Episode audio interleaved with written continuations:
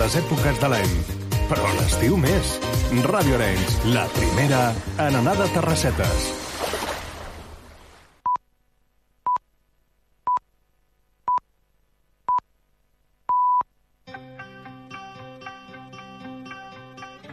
Luchad y puede que muráis. Huid y viviréis un tiempo al menos. Y al morir en vuestro lecho, dentro de muchos años, no estaréis dispuestos a cambiar. Todos los días desde hoy hasta entonces, por una oportunidad, solo una oportunidad, de volver aquí a matar a nuestros enemigos. Puede que nos quiten la vida, pero jamás nos quitarán la libertad.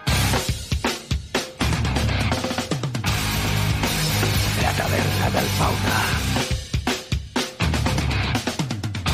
De 11 a 12 de la nit a Ràdio Arenys.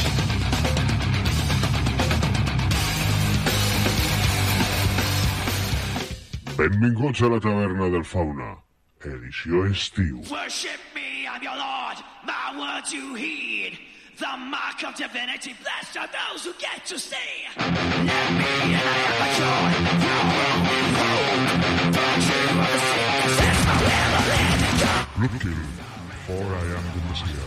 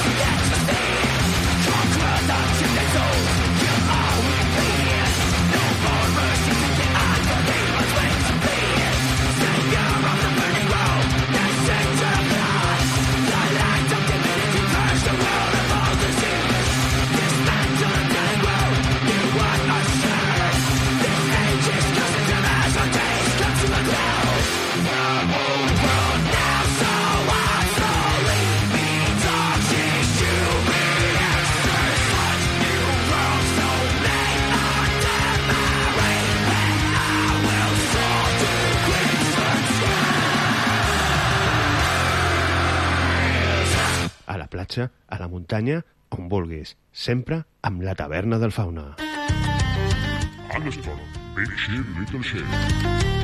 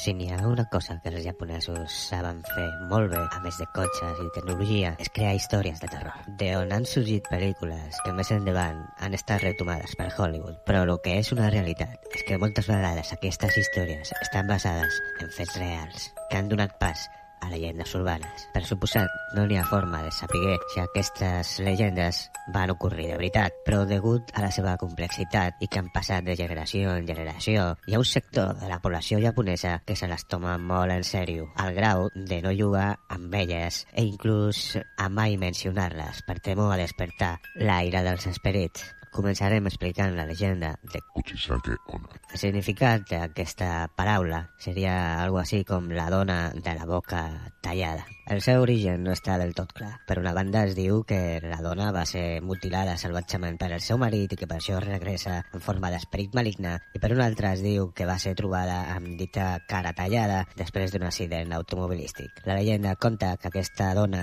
sol aparèixer amb una mascarilla quirúrgica, el que és normal en els japonesos que busquen cuidar-se de refredats i enfermetats. Les seves víctimes principalment són nens i si arriben a trobar-la tindran que contestar una pregunta. La pregunta és si és vella. Si responen que no, els hi tallarà el cap amb unes tijeres. Però si responen que sí, es treurà la mascareta mostrant la seva boca tallada i tornarà a preguntar si és vella. Si en aquesta ocasió responen que no, ella els hi tallarà per la meitat. Però si responen que sí, s'alegrarà i els tallarà la boca d'orella a orella, deixant-les com ella. És impossible córrer i escapar, ja que si ho intentes, ella apareixerà enfront teu i no s'irà fins que contestis la seva pregunta. Tal ha sigut la por d'aquesta llegenda que varis col·legis fan que els seus professors acompanyin els alumnes a les seves cases per a que arribin seus. L'esperit del teque-teque. És una pequeña jove estudiant que va sofrir un accident al caure a les vies del tren i va ser partida per la meitat, donant peu a aquesta llegenda. El nom prové del so que realitza aquest fantasma al arrastrar-se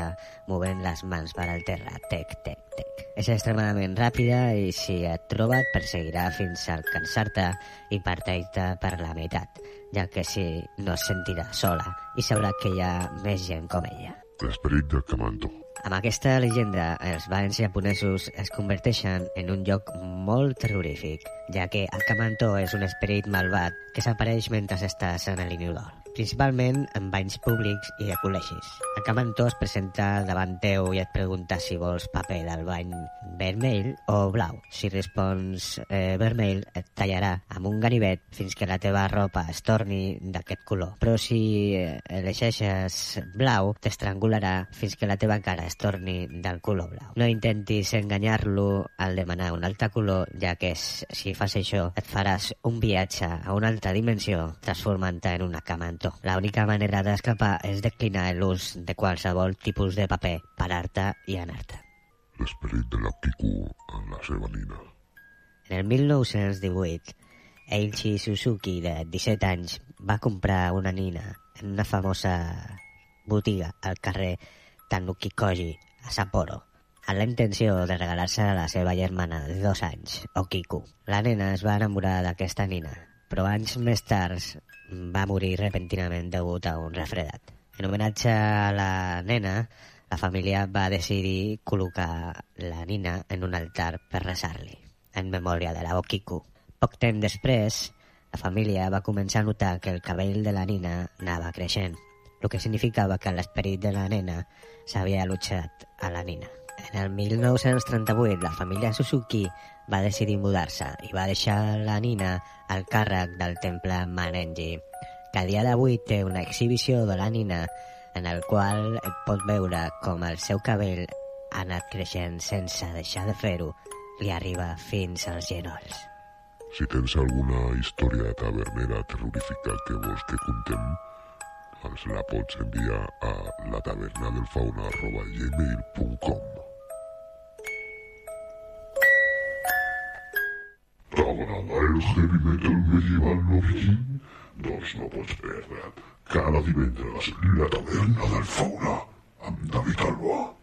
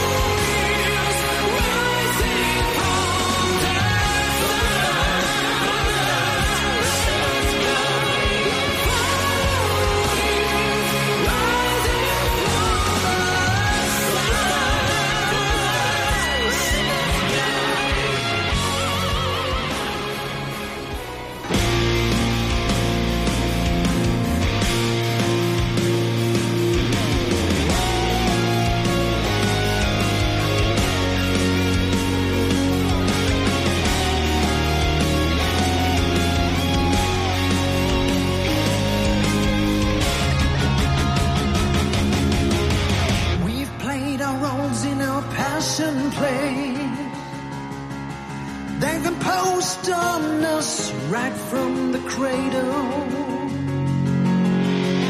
No matter what you dream, be well what you say. Until the cock wheels out of control to burst out of place.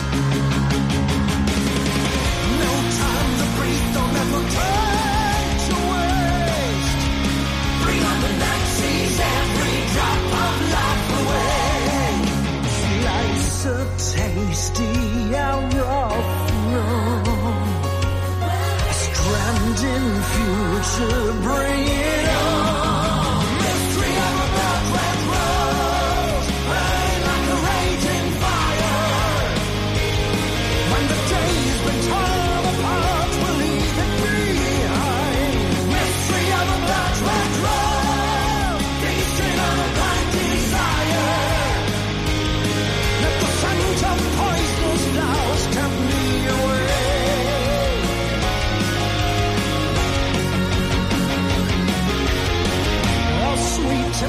passion and a pure red.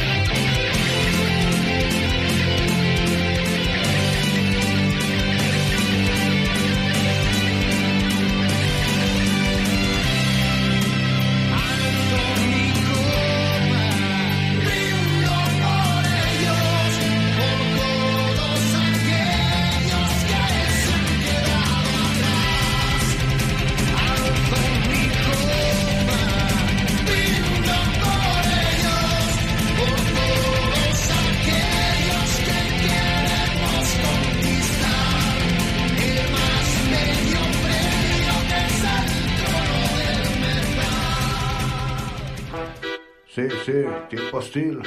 Ajá, ajá. Producciones Alba, bro.